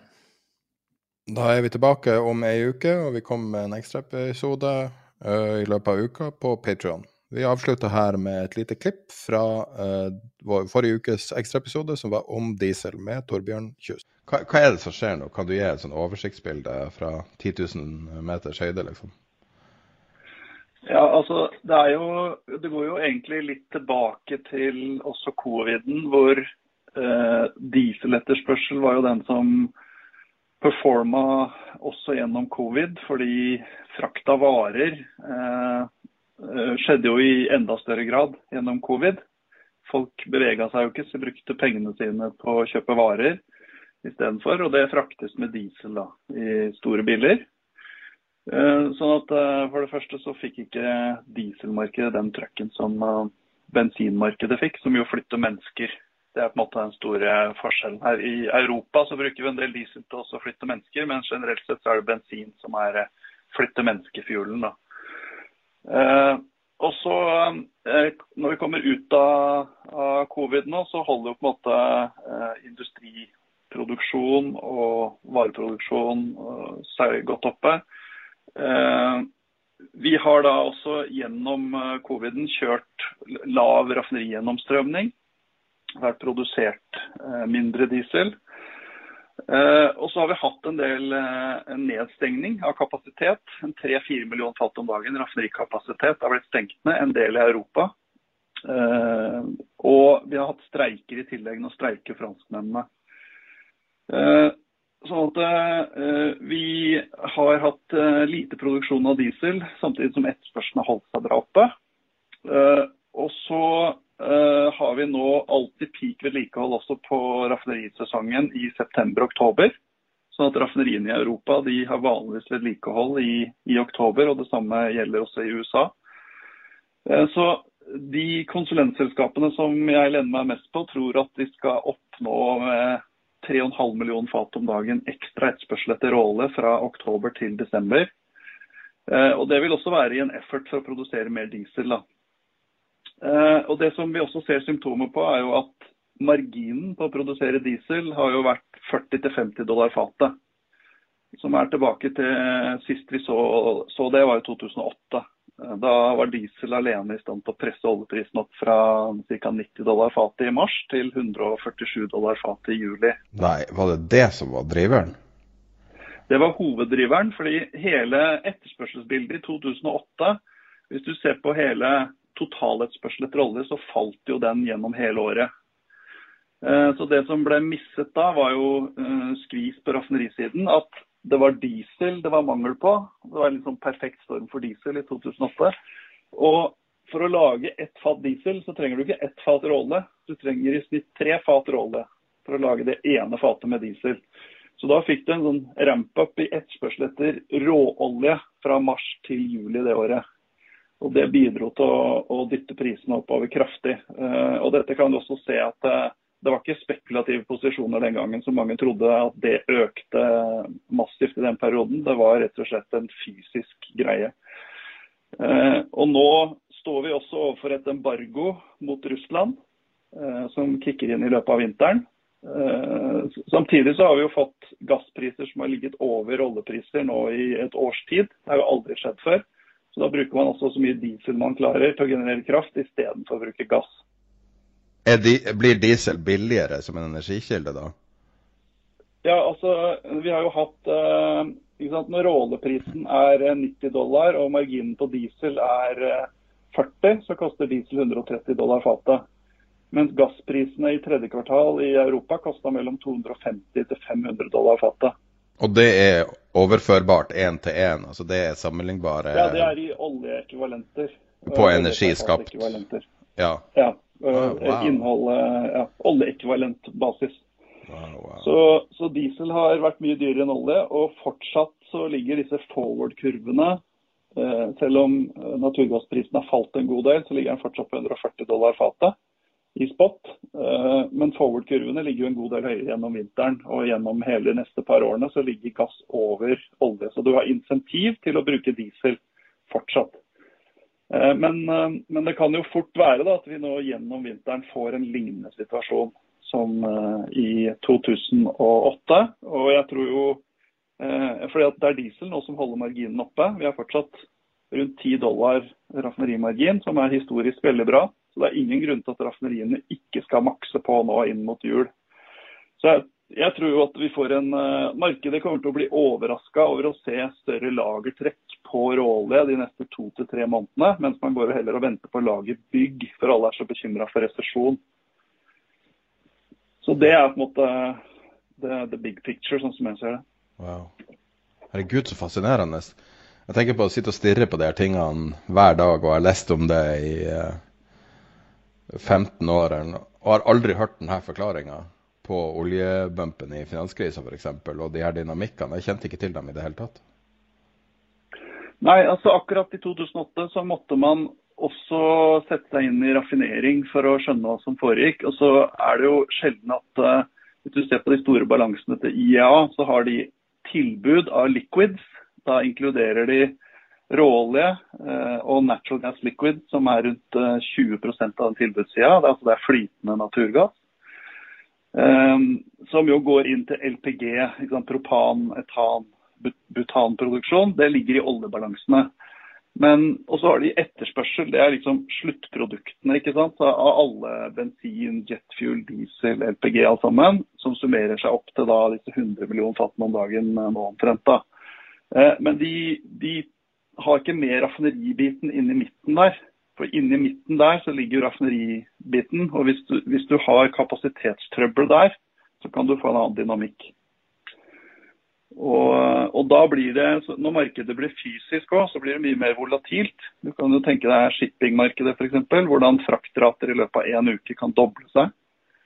Og, og når du har et sånn, sånn type marked som, som går fysisk, så, så, ser vi også du husker jo kanskje råleprisen gikk i minus nesten 40 dollar fatet i eh, mars-april 2020. Eh, ikke sant? Når ting blir helt fysisk, da, så, så kan, eh, kan, du få voldsomme utslag og stor volatilitet. Nå gikk vel eh, spotgassen også negativ nylig eh, i enkelte ja, markeder? Og, og nå har vi jo høye gasslagre. og Det betyr at eh, hvis du når 100% på gasslagrene, så får du ikke spisa mer inn der. og Da må gass prise billig. Eh, men markedet er jo altfor lite bekymra egentlig, tror jeg, for vinteren nå. fordi at eh, selv om du har 100% lager, så er etterspørselen i eh, de viktigste områdene, altså Nordøst-Europa pluss Italia, den er 100, nesten 170% høyere om vinteren enn om sommeren. Så, så, vi går inn i vinteren hvor vi trenger maks LNG-import. Vi trenger maks import fra Norge. Vi trenger maks fra eh, inn i Italia fra Algerie og Libya. Alt det må makse. Eh, og ligge på vinternivå i flere år nå, hvis vi ikke får noe russisk tilbake. Samtidig som man trenger å vedlikeholde systemene. Det som, altså En skikkelig svart svane i det her må jo være at et eller annet stort raffineri går kaiken? Ja, altså Det skjer jo stadig vekk at raffineriene sliter. da. Men det jeg snakket om akkurat nå, var jo naturgass. da. Ja, jeg vet det. Jeg bare prøver å trekke ja. liksom, linje videre. fordi ja. at et pressa system eh, eh, har en tendens Det har vi jo sett også. Det har jo vært flere, flere problemer det siste året på raffineri. Men hvorfor er det, hvorfor er det så lite raffinerikapasitet? Jo, det er fordi eh, det, Hvem vil investere i, eh, i, å lage produkter der man tror at eh, peak demand kommer rett rundt hjørnet? Og det er stadig nye miljøreguleringer. Og det er stadig høyere krav til uh, å ikke slippe ut CO2, så du må investere enten kjøpe CO2-kvoter, eller så må du gjøre carbon capture på raffineriet ditt. Og Europa har jo, kommet til å ha fall i etterspørsel etter raffinerte produkter. Så det er jo, det er jo liten interesse for å investere, og, og, ingen vil ha et raffineri i sin backyard heller. Så der det investeres, er jo der etterspørselsveksten er, altså Asia, Midtøsten.